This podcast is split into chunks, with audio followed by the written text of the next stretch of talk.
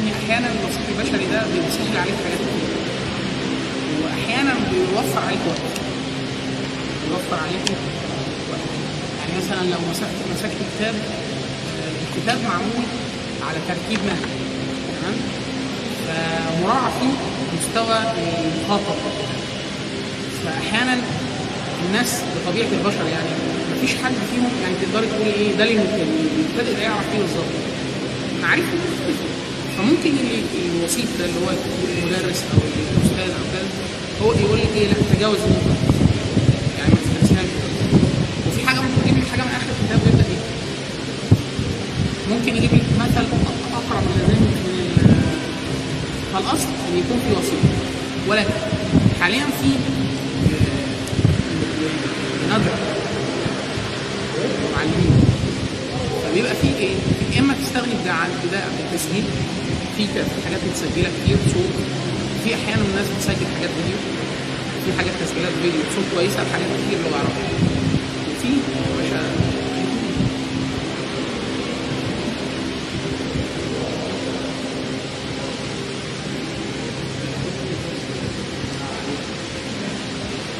في اهو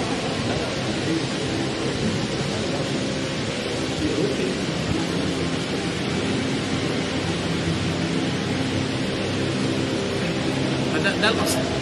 لكن يعني في الحالة اللي أنت بتسألي عليها المفروض إيه؟ تختار يعني حقك. أنا أقول لك كتاب بسيط في اللي أنت عايزة تبداي بيه بترتيب آه بالظبط أنا حاسة إن الدنيا واسعة أصلا جدا على إن أنا كمان أبتدي أشوف بقى أبدأ منين واجي منين وأروح فين. حاسة إن أنا هكون خالص فانا هقول لك تبداي إزاي؟ أنهي كتاب؟ تبداي إزاي؟ وفي أي حاجة فيه. في اي حاجة. بس ما ينفعش تبداي باي حاجة يعني مثلا العروض هنتكلم عن العروض النهارده العروض بيفترض فيه إن يكون الدارس للعروض دارس نحو كويس وصرف كويس. أصلا. ليه؟ لأن هم أصلا مبني. يعني مسائل العروض في جزء منها مبنية أصلا على معرفة ال- الدارس بالنحو والصرف تمام؟ فما فيش حد هيقول يعني مثلا واحد ممكن يقول لك لا اصل أنا عايز أدرس شعر فعايز أدرس عروض. لا يدرس نحو صرف الأول وبعد كده يدرس عروض عروض وصرف النحو المفترض غالب الناس بتبدأ بالنحو أنا في رأيي الشخصي لو أنا هدرس نحو هد- هدرسه هو والصرف والمعجم مع بعض. وهبدأ أقول مسائل لغوية سواء في مد اللغة أو في ال- في الصرف قبل النحو. لكن المعتاد الناس بتدرس نحو في الأول. ده ده بيحصل كتير بيحصل كتير لكن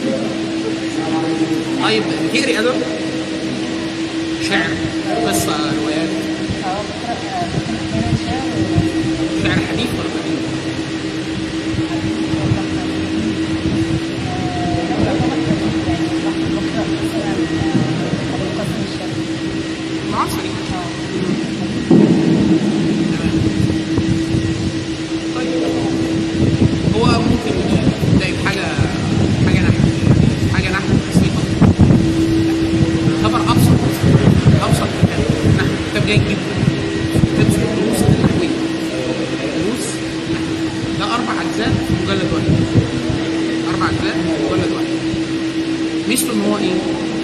الجزء الأولاني كان مقرر على ثاني ابتدائي بس إمتى؟ من 120 سنة فهو حاليا مناسب جدا إن إحنا.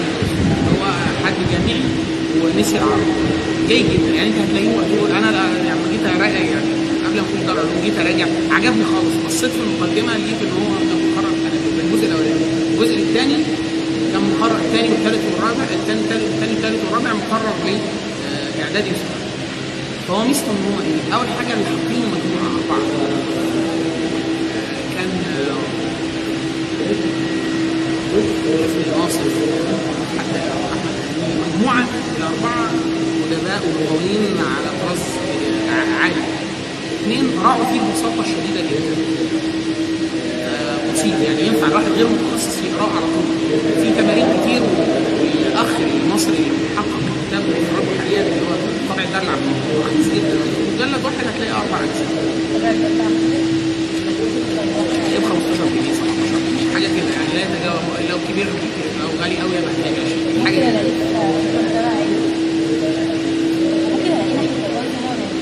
هو مش هتلاقيه غير ضرب الاتراك والمكتبات اللي جوه دي. هي اللي فيها أي كتاب يخطر على بالك لأن دي اكبر اكبر أكبر تجمع المكتبات. الكتب الشرعية واللغوية والجغرافية في مصر. فأي مكتبة بتعمل فرع عليها في في درجة. فالكتاب بتاع الدروس النحويه ده كتاب بسيط جدا زيه بالظبط نفس المجموعة. هم هم عملوا الدروس البلاغيه هم نفس المجموعة. الاثنين شرحهم واحد معاصر. يعني الدروس النحويه لا الدروس النحويه مش محتاج شرح هو مشروع لوحده الدروس البلاغية. كتاب صغير جدا. وكان شرح الشيخ ابن عثيمين بتاع السعودية. الشيخ ابن عثيمين أفضل حاجة فيه انه شروحه بسيطه قوي يعني أول ما يشرح حاجة اعرف إن دي يعني مفيش أسهل من كده. أسلوبه بسيط. فكتاب كتاب النحو ده أنا عليه ده ده لو هتدرسي بالطريقة المعاصره زي اللي إحنا درسنا بيها في المدارس بس دي يعني بس الكتاب تفسيره لو هتدرسي على الطريقة القديمة إن هو يجيبوا متن متن بيبقى نص مختصر فيه معظم مسائل العلم بي- بي- بي- يعني أصلا للمبتدئين في الغالب للصغار عشان يتحفظ فاشهر متن في المتون النثريه يعني المتون دي متون نوعين متن نثري ومتن نظم شعر. فمثلا الألفية دي نظم متن بس نظم يعني حطوا شعر. حطوا في كله في متن نثري في الش- في النحو. متن متن الاجروميه بتاع ابن اجروميه حتى متاخد كلمة جرامر أصلا. الاجروميه الاجروميه بالنسبة لصاحبها ابن اجروم أو ابن اجروم وليه كذا نقطه لدرجه ان في ناس بتقول ابن اجروم بالكاف يعني هو بربري.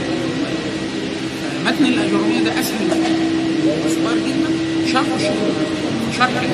شرح الاجروميه لابن عثيمين بسيط جدا. برضه في أخ مصري هو اللي خادم الكتاب فطبعه الدار العتيقه لطيف جدا جدا. ده لو هتدرس من غير ان شاء الله ان شاء الله لو ربنا قدر لنا ان شاء الله كده بلغنا رمضان بعد رمضان ان شاء الله هبدا نب- نبدا دوره اللي هي إيه دي دوره كده هديه يعني إيه هديه لاصحاب الدوره دي دي ده ان شاء الله تكون دوره مجانيه أصلا مدخل للنحو بس إيه هيبقى مش نحو بالطريقة يبقى نحو صرف ولغه مع بعض. ممكن يكون شعر معاهم يعني. بس إيه أنا أنا خلال الخبرة يعني المزج بين العلوم اسهل يعني. المزج بين العلوم آه آه يعني أكثر خفه على المدارس بيحسسوا إن الموضوع فيه ارتباط. يعني يعني الناس نحو بتعمل بيه إيه؟ ده؟ لكن لو حد اداله فوائد قرآنية إن النحو هيفهم بيه القرآن يختلف. يعني أنا فاكر في دكتور دكتور حسن طلب من اشهر اساتذه في مصر هو أستاذ علوم وليه كتب جيدة جدا بس تعتبر متخصصين في في المعاني والبيان والبديع فدايما كل الأمثلة بتاعته في كتب كتاب البلاغة البيان والمعاني والبديع كلها قرآنية. تفرق خالص للواحد وهو بيحب يبقى حاسس بيبقى حاسس فعلا إن العلم مطلوب عليه. يعني مثلا أنا فاكر كان في مثال الأمثلة اللي كان بيديها. كان آه بيفرق بين الايات المتشابهه يبدو إن هي متشابهة للناس بس هنا في سياق اختلاف في الترتيب زي إحنا قلنا جاء من ابصار المدينة لا في النحو لا هو في البلاغه علم المعاني علم المعاني ما إحنا هنقول النهارده يعني. مستهدفه النهائي إن أنت تعبري بطريقة صحيحة على المعنى اللي أنت عايزاه. يعني هو بيتجاوز مستوى الصحة هو بيبقى صح على مستوى النحو بس غلط على مستوى المعنى. المفروض لو هيبقى الكلام عشان يناسب المعنى أحسن يبقى ترتيبه مش كده. بس هو صح على مستوى إيه؟ النحو واللغة والصرف صحيح لكن على مستوى المعاني تأدية المعنى مش صحيح. فده عن فكان بيجي جاب مثال ده عن بين القرآن بيقول إيه؟ في في آية بتقول ولا تقتلوا اولادكم خشية املاق خشية املاق نحن؟ نحن؟ نرزقكم واياهم طيب. الآية الثانية ولا تقتلوا أولادكم من إملاق نحن نرزقهم وإياكم. هو هو نفس النهي هنا نفس النهي. بس فوق لا تقتلوا أولادكم خشية إملاق وتحت لا تقتلوا أولادكم من لما قال خشية لا عشان إيه؟ نحن نرزقكم وإياكم. فوق لما قال لا تقتلوا أولادكم من إملاق قال نحن نرزقكم وإياكم. لما اختلف قال خشية جاب غير ترتيب الكلام. ولما قال من إملاق غير ترتيب الكلام. فده لا يدرك أصلا غير بدراسة علم المعاني بس عشان تطبيقه على القرآن الواحد يفهم ان ده ليه ثمره هو يفهم عن الله حاجة تانية. المعنى الأول يقول إيه لا تقتلوا أولادكم خشية الله. خشية يعني ده في المستقبل. يعني هو واحد هو واحد ميسور. وهيقتل ابنه اللي هيخلفه أو اللي يخلفه عشان ما يفتقرش. فده خشية الله. يعني الفقر لم يقع. ليس زي الوقت. وقت البنات. جزء منها مش من المعرة جزء منها من الفقر. حاليا الناس بتعمل. في حالات في مصر قتل للفقر. للفقر الشديد فخشية الله نحن نرزقكم. نر- نحن نرزقكم. وإياكم هو الواحد قتل الولاد عشان خايف على رزقه هو. فطمن طمأنته الآية برزقه. الأول. يعني هو خايف على رزقه. قالوا نحن نرزقكم. وإياكم الأول. لما قال له لا تقتلوا أولادكم من إملاق يعني هو فقير. الله عز وجل واحد فقير مش مش ميسور زي الأولاني.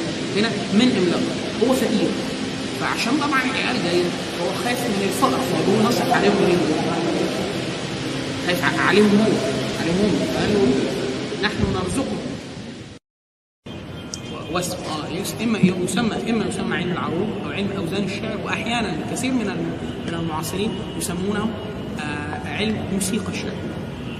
يعني كل الكتب المكتوبة العروض مثلا في كتب مثلا- من أسهل الكتب الموجودة آه، كلمه كتاب العروض التعليمي.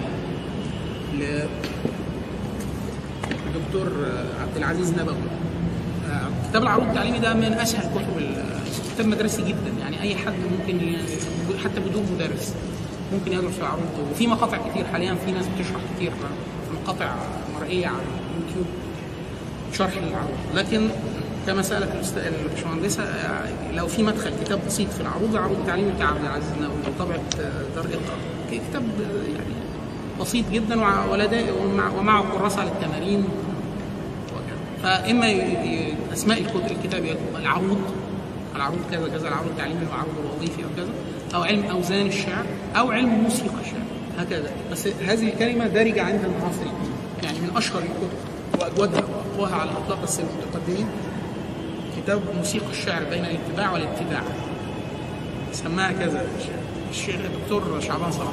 ومن أفضل من يعلم العروض يعني لو جابوا له صخرة طوب يعلمها عروض في ساعات معدودة. أستاذ أستاذ عروض ف سمى سمى كتابه بموسيقى الشعر بين الابتداع والابتداع. وعليكم السلام ورحمة الله وبركاته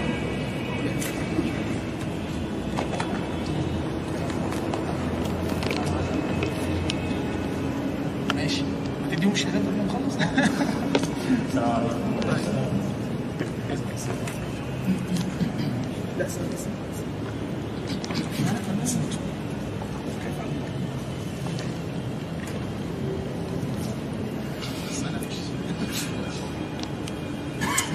مش مرتاح وعدى الاحساس بالخطر عن الرجال آه لا أنا عادي جدا بس أنا راجل بصري أنا حاسس هتقع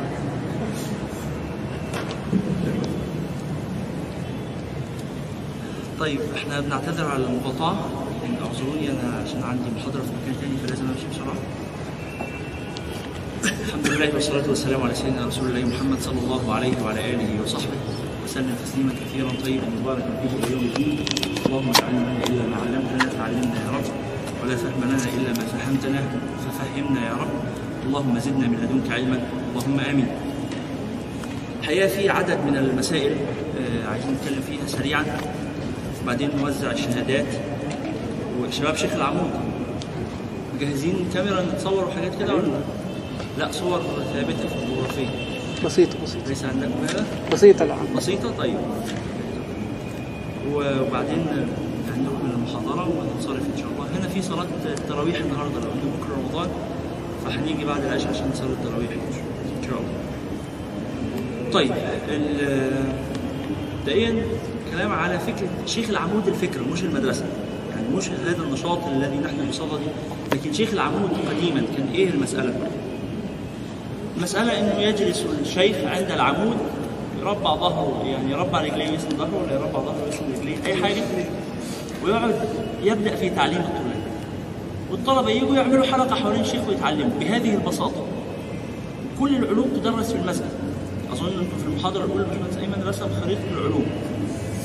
والتكامليه بينها فكل العلوم تدرس في المسجد الطب والهندسة واللي ورانا دي كده مدرسة للطب وبمارستان مستشفى نفسي وطبيعي. داخل المسجد.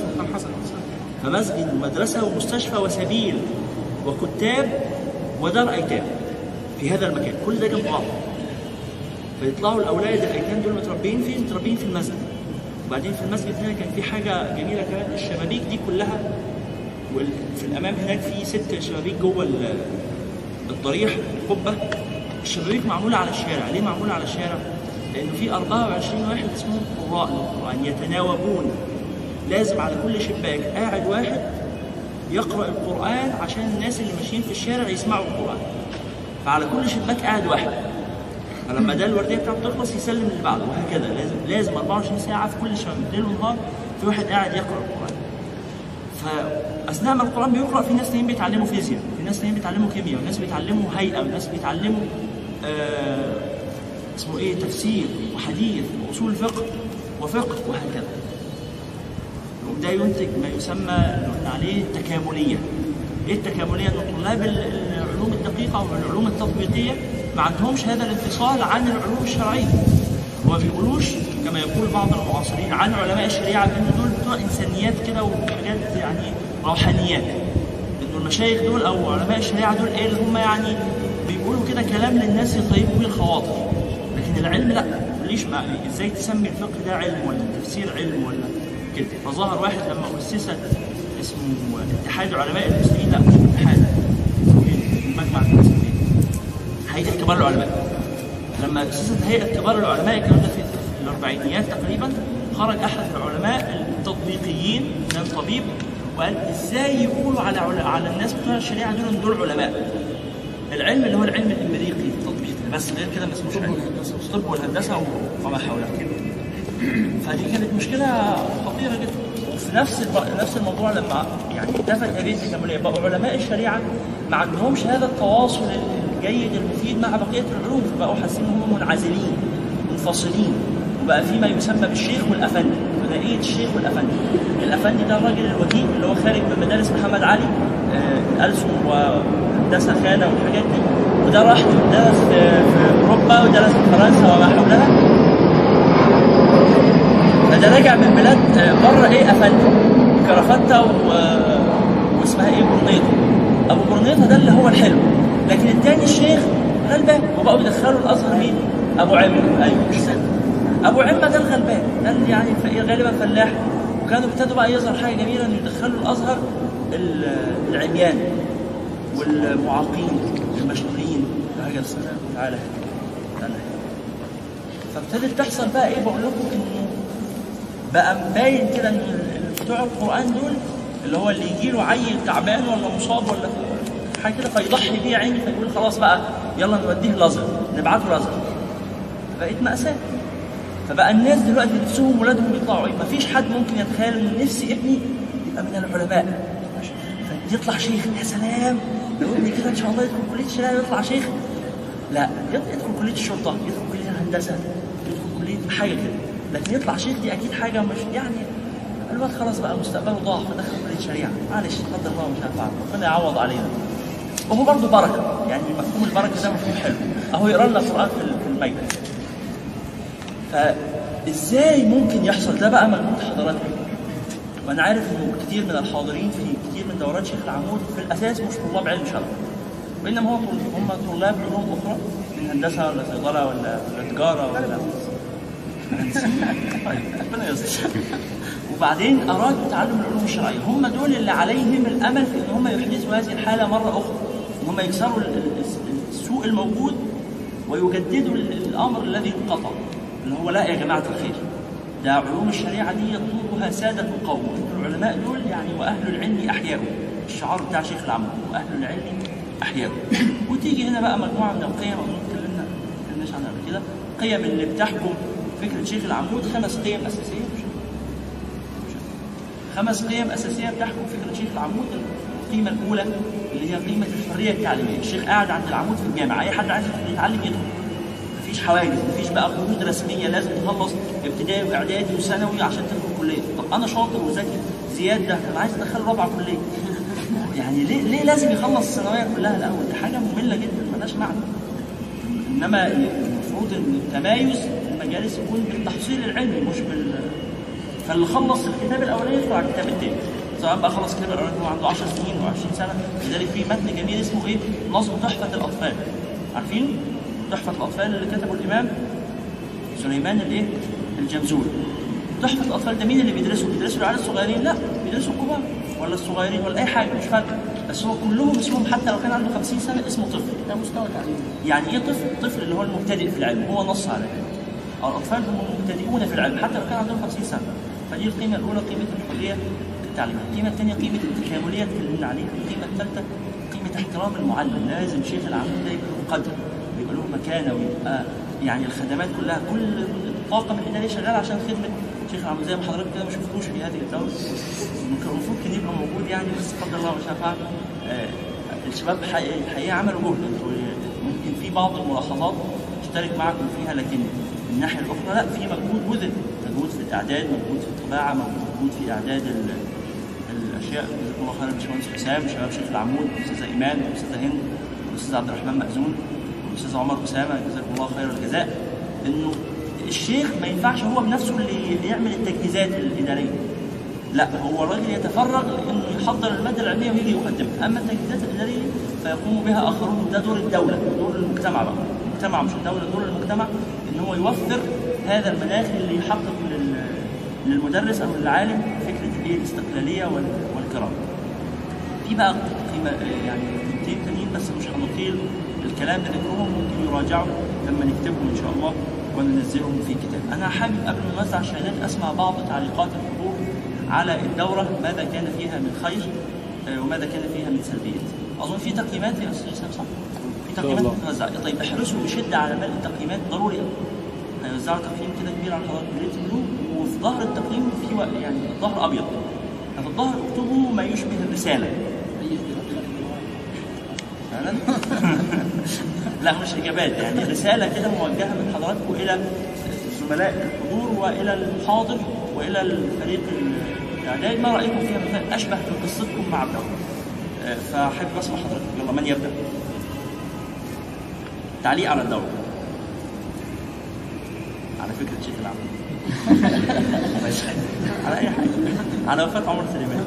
أيوه الأول على فكرة الشيخ محمود آه، الفكرة كانت من زمان جدا يستهوي يعني تستهوي فكرة فكرة الشيخ اللي قاعد في الجامعة وحواليه الطلبة في احتكاك اليومي أصلا ما بين آه، عارف مشاكلهم بيربيهم بي- بيساعدهم في تواصل أصلا عارف إيه اللي بيحصل في الواقع.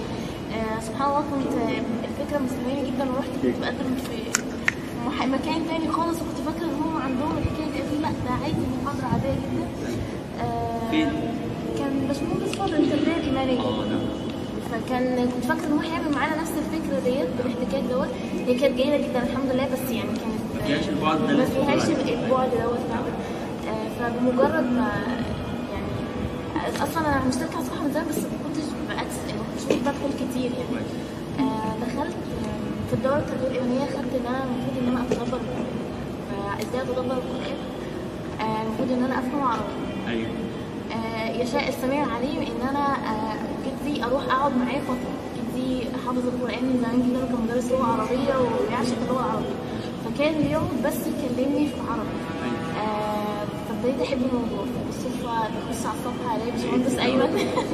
ومحاضره عربي قلت لا خلاص ما بديهاش هي لازم حاجة هو لازم ابقى عربي فسعدت جدا كمان فكرة إن أنا المسجد اولا جدتني وصلت على المسجد. المكان رائع. أنا أختي بس الصغيرة كانت بتيجي تقعد هنا. اللي يتبين الأوزان الصحيحه من الفاسده آه، ضبط أواخر الأبيات. يعني مثلا معظم الناس من خلال الدراسة النظامية والعاديه للشعر يخلص أيوه الناس اللي ما لهمش شهادات موجودة دلوقتي ياخدوها على الباب هم؟ خلاص ماشي. عشان الناس كل ما خد شهادة شهادته موجودة. بيتصور إن مجرد انتهاء آخر كلمة في في الأول ده ده حد البيت ده حد المتصل ده مش صحيح. ويعلم الحد من العروض لأن في حاجة اسمها بيت المدور. يعني آخر كلمة منها حرف أو حرفين داخلين في البيت الثاني فبرضه لا, من فوائده ضبط أواخر ممكن واحد غير مثلا يقرأ شعر أول مرة يقرأه غير مشكور غير مشكور فلا يعلم الشكل من النحو فقط. يعني مثلا في النحو والصرف ممكن الكلام يبقى ليه كذا احتمال. كذا احتمال. إما مشدد مرفوع. يعني مثلا كتب وكتب. دي صحيحة ودي صحيحة. والاثنين ليهم نفس الواحد نفس المعنى. لكن لا كما قلنا في بيت الشعر. احد أحد زو... آه رجل متزوج امراته تلوم عليه شراء الكتب. فتقول و... و... وقائلة أنفقت في الكتب ما في الكتب ما حوت يمينك من مال فقلت دعيني لعلي أجد فيها ما يدلني لأخذ كتابي آمنا بيمين فلو قال آه، قائلة أنفقت في الكتب هكذا ينكسر البيت. ففي الكتب ما حوت لا يعلم هذا بالضبط الاختيار بين الأوزان الصرفية. ليس من النحو ولا من الصرف. يعلم من أوزان العروض. فهذه من ثمرات الفوائد إعطاء الملكة يعني آه، المدرك ال- الدارس لعلم العروض قد يسمع الأبيات المكسورة فيدرك أنها مكسورة من السماع فقط. يعني ليس في حاجة حتى للتقطيع. سوف نعطي فكرة عن تقطيع العروض لأن دائما العروض في الغالب آه، حد سمع قبل ذلك عن علم العروض؟ درست؟ درست بس أنتوا بتدرسوا في الكتاب بتدرسوا مادة.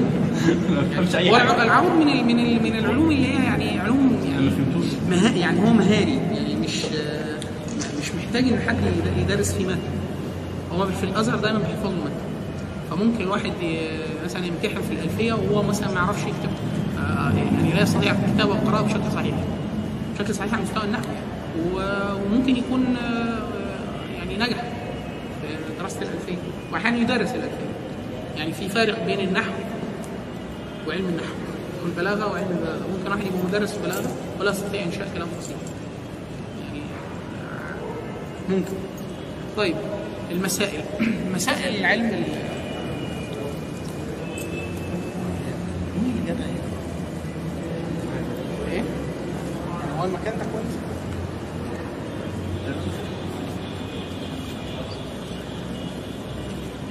لا بس عشان اعرف كده اخر حد شايف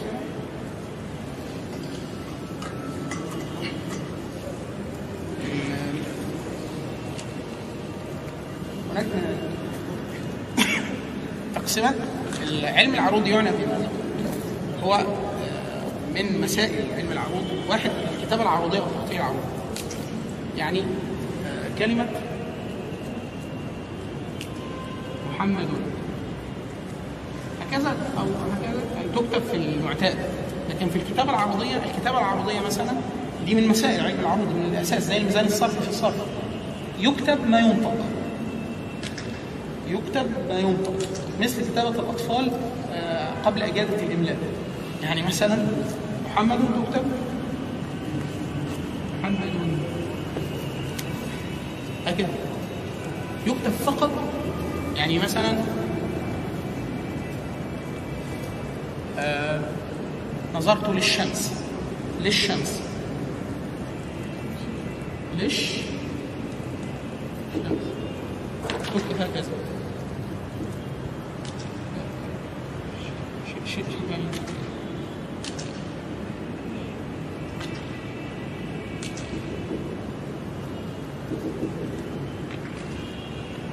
بالعكس يعني ينطق ينطق فقط يكتب فقط ما يكتب. لا لا لا, لا علاقة لعلم النحو والصرف ولا الرسم. الموجود يعني لا يرى الكتابه العربيه لا ترى فقط إلا ما ينطق. فأول مسألة من مسائل علم العروض الكتابة الكتابة العروضية. هذا اول هو بيكتبوا كده ليه طيب؟ إيه؟ بيكتبوا كده ليه؟ تكون فتحه وما يمشي ما هو هو كل شيء ما فيش ما فيهوش يعني غير الكتابة الرسم العادي. ما أي شيء المضاعف يفك. القاعدة الكتابة العرضية يكتب فقط ما ينطق والمضاعف يفك تمام؟ والإشباع يكتب. الإشباع يكتب. يعني مثلا نقول آه، محمدي. أنا أقول محمدي يعني هذه من باب الإطلاق الصوتي هكذا. لو كتابة عرضية أكتب محمدي وأضيف ياء وهكذا. يعني المضاعف يفك المنطوق يكتب. الذي لا ينطق لا يكتب. يعني ممكن تلاقي حرف واثنين وثلاثة سقط في في الكتابة. معرفة الت- الت- ال- الوحدات العرضية. الوحدات العرضية إما يعني هي تجمعها جملة. يقولون لم عارفين ال- الجمل هم دايما يجمعون القواعد في اما في جمل أو أبيات. فمثلا حروف الز- الزيادة يجمعونها في كلمة سألتمونيها مثلا. ال- ال- الوحدات العرضية يجمعونها في عبارة لم أرى على ظهر جبل سمكة. ما- ماذا يقصدون من الجملة؟ دائما على العبارات أحيانا تكون ليس لها معنى، أحيانا يكون ليس لها معنى، ولكن المطلوب منها أن الوحدات العروضية إما أن تكون سبب خفيف لم. يعني دائما العروض ماذا يعني يهتم ماذا يهتم العروض؟ بما يهتم العروض بالح- بالحركات والسكنات. الحركات والسكنات. يعني بعد كتابة المنطوق يهتم بماذا؟ إثبات أن يتعرف على هذا الحرف متحرك أم ساكن فقط. ويرمز للحركة بهذا الرمز ويرمز للساكن بهذا الرمز فعند الكتابة العروضية والترميز العروضي تصير لم واحد. هو مش واحد هي شرطة مائلة لهذا قلت أن من يدرس علوم الحاسب ي- يجد آه، استلطاف جدا في التغطية العروضي اللي هي النظام الثنائي في الأرقام هو واحد وصفر. فقط يعبر عن كل الأرقام بواحد وصفر. فهو كذلك. أرى سبب الثقيل اللي هو إيه؟ فتح حرف متحرك وحرف متحرك. يرمز له يعني لم أرى متحرك أي حرف أي حرف عليه فتحة أو ضمة أو كسرة متحرك شدة يبقى حرفين. حرف مشدد حرفين الأول الساكن والثاني متحرك فأي حرف لا عليه فتحة أو أسفله كسرة أو عليه ضمة فهو إيه؟ متحرك لا يعنى بنوع الحركة. يعني هو لا لا يف... يعني هذا الرمز يرمز لماذا؟ لأي ك- ك- حرف أول حرف أول حرف فيه محرك بأي حركة؟ بأي حركة؟ والثاني ساكن فهو لا يرى أصلا الحركات. يعني لا لا, لا, يوجد هناك فرق بين الفتحه والكسره والضمه في الكتابه الرمزيه العربية أصلا. لم أرى على.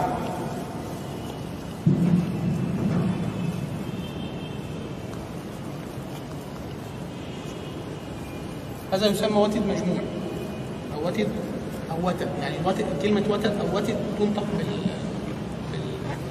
بالحركتين هناك كلمات تسمى المثلثات يعني هناك من يجد في كتب النحو والصرف والعلم العلم اللغة يسمى المثلثات أو مثلث فلان مثلث فلان يعني إيه؟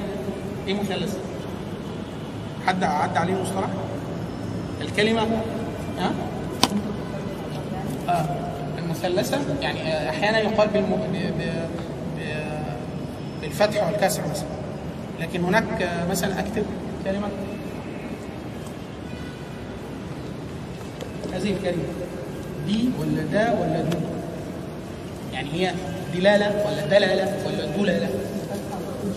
هي هي مثلثة. كله. واضعفهم في اللغة دو لكن هي موجودة في المعاجم دلالة ودلالة ودلالة. فحتى أستطيع أن أخاطب من يفهم من علم اللغة أقول دلالة مثلثة. في مثناه اللي هي حركتين مثناه؟ فوقية لو لا ده على حسب لو فوقية مرتبطة بالنقط نقط يعني إيه؟ دي أقول بالمهملة. المهملة المثلثة. مهمله مثلثة يعني إيه؟ يعني هي مش ذال؟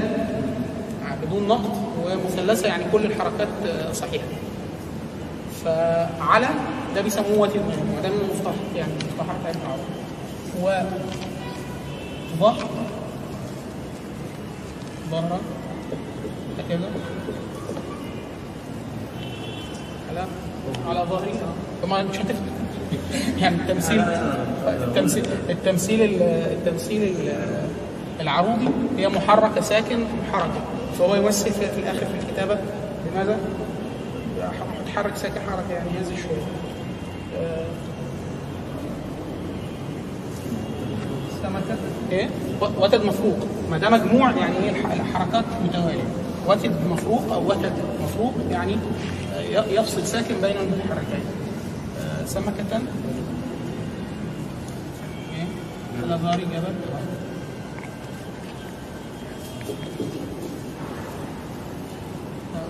على جبل.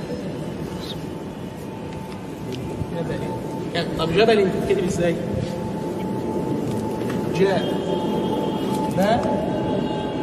لين والنون يعني هي طبعا العرضية أولا باء لين هذه هي الكتابة العروضية جبل. هكذا تكتب الترميز العروضي. ثلاث حركات بعدهم إيه؟ يعني هو الرمز العربي خلاص؟ جبل. سامة.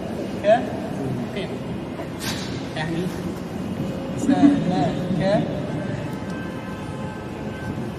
تين.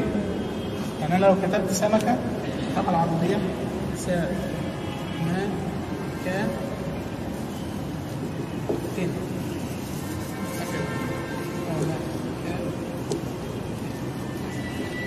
إنزال الحركات. هذه معظم الوحدات العرضية فهو من من أه- من أوائل مسائل العروض الكتابة العرضية وق- وقواعدها وال- والتقطيع العروضي أو الرموز العرضية. ثم يدرس البحور التفعيلات. كل بحور ال- بحور ال- التفعيلات التي التفعيلات المستخدمة. التي يدخل في تكوينها إما السبب الخفيف والسبب الثقيل والوتد المجموع والوتد المفروق الفاصله الصغرى والوتد الفاصله الكبرى. آه، ثماني ثماني تفعيلات. إما آه، مد- مش ت- ليه بس قسمت في فعول بالطريقة دي؟ ليه مثلا ما تبقاش مثلا آه، فعول والنون لوحدها؟ اي ايا كان التقسيمه الثانية يعني ليه التقسيمه هو؟ هذا هذه هذه التقسيمة يعني اللي الرأي اللي أنت بتقوله ده موجود أصلا في العروض اللي هو إيه؟ بس ده يعني إيه؟ يتعلق بشيء اسمه د- د- الدوائر دوائر البحور يعني يعني لا يتسع ليه هو سبب نشأة البحور أصلا أو التقاط ال- البحور يعني ده راجع لأصل العلم في وضع الخليل يعني. لكن هذا هو المشهور في العلم. يعني زي إيه؟ فعول هذا وزن. مستف فاعل هذا وزن.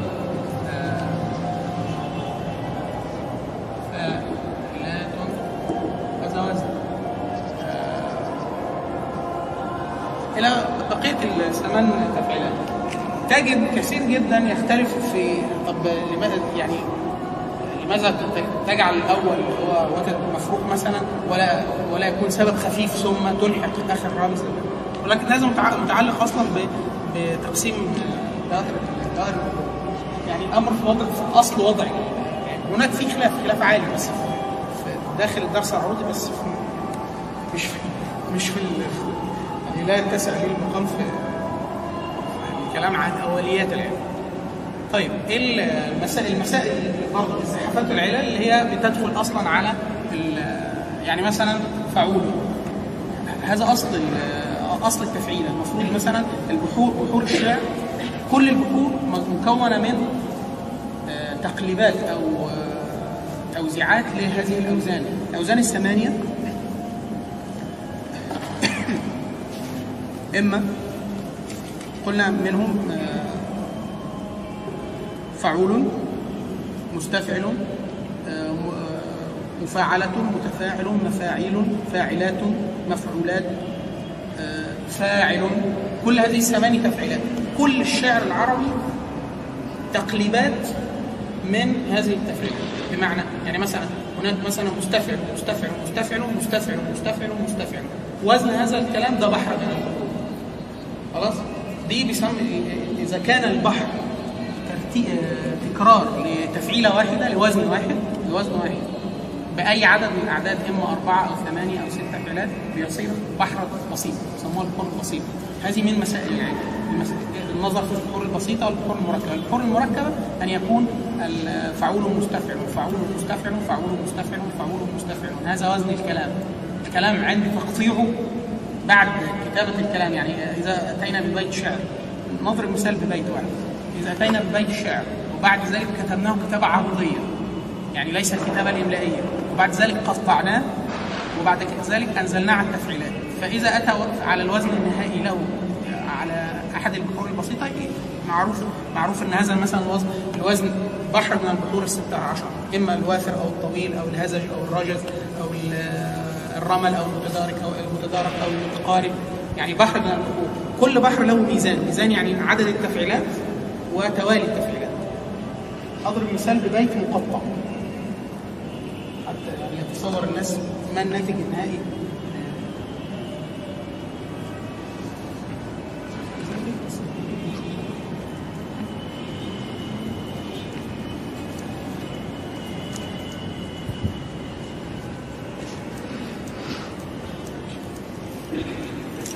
طبعا أكثر اشهر من رصد في الجاهليه هي الخنساء بعد ذلك اسلمت حسن اسلام ان صخر هي تقول يذكرني كل واحد صخر بكل غروب شمس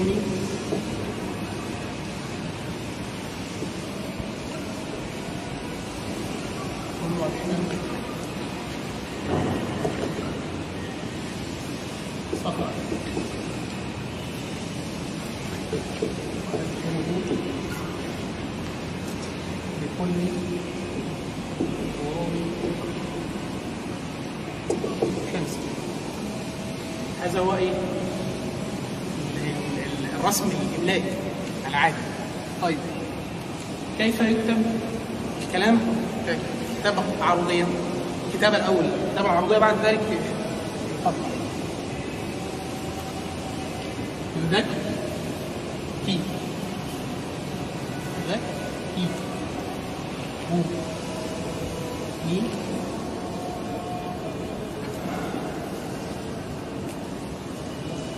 طلوع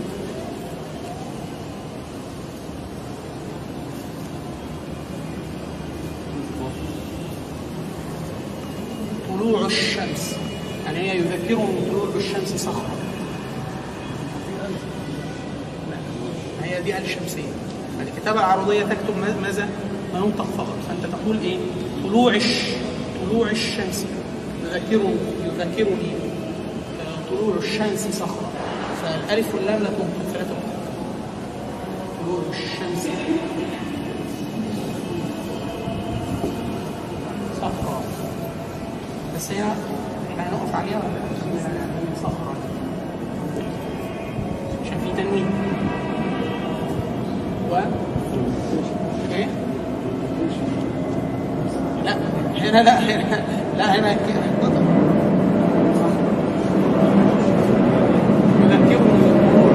صخرا ويذكرهم schätzen.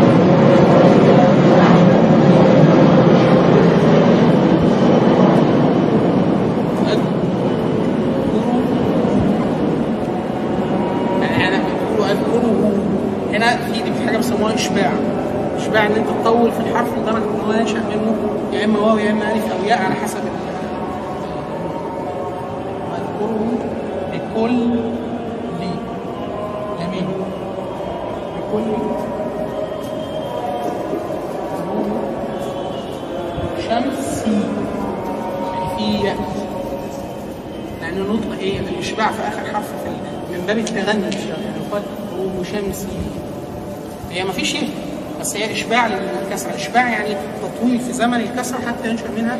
ياء والإشباع في الألف نفس الحكاية. فتحة تطول حتى تصير ألف وهكذا. الضمة تصير حتى تصير واو. لو هنا يعني نريد نريد, نريد أن نقطع الكلام. يذكرني طلوع طلوع يذكرني طلوع الشمس. الشمس صخرة أو صخرة وأذكره بكل غروب بشمس هذا الوزن هذا الموزون أصلا الأبيات موزون على مفاعلة مفاعلة فعول مفاعلة مفاعلة فعول لو وزن هذا ال- كل فعلة يو ذك كي هو مي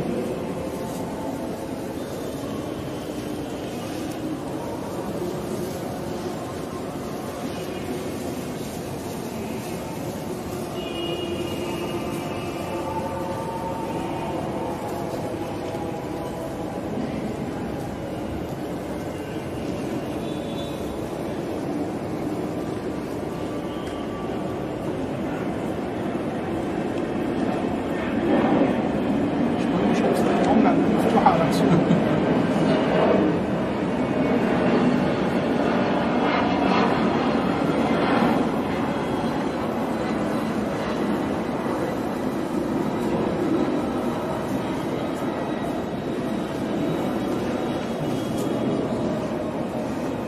إذا تتبعت التقطيع تلاقي تجد مفاعلة مفاعلة فعول مفاعلة مفاعلة فعول ه- هذا هذه الطريقة في ال- في الكتابة العرضية ثم التقطيع ثم بعد ذلك النظر على البحور. ثم هذا يجري في البحور الستة عشر. ما الذي يدخل على هذه البحور من النقص يعني مش مش مش كل طبعا مش كل الشعر حتى طبيعة الكلام. لا ياتي الكلام منضبطا على هذه الاوزان بالضبط يعني فعول أحيانا تصبح فعول بدون نون. لأسباب تتعلق بال بال- بالكلام. يعني هذا النقص الذي يرد على الأوزان الأصلية والاوزان المعروفة يسمى الزحافات والعلم. الزحافات تعلمون أن اسم اسم العلم أصلا العروض هو آخر كلمة في في الشطر الأول البيت. البيت هو بيت الشعر. الشطر هو نصف ال- الشطر الأول والشطر الثاني. الأول يسمى الصادر ال- البيت ال- الشطر الآخر يسمى العجز يعني آخر الشطر الثاني يسمى العجز هذا هو العروض. وهذا هو الضرب. هذا مصطلح مصطلح العروض والضرب.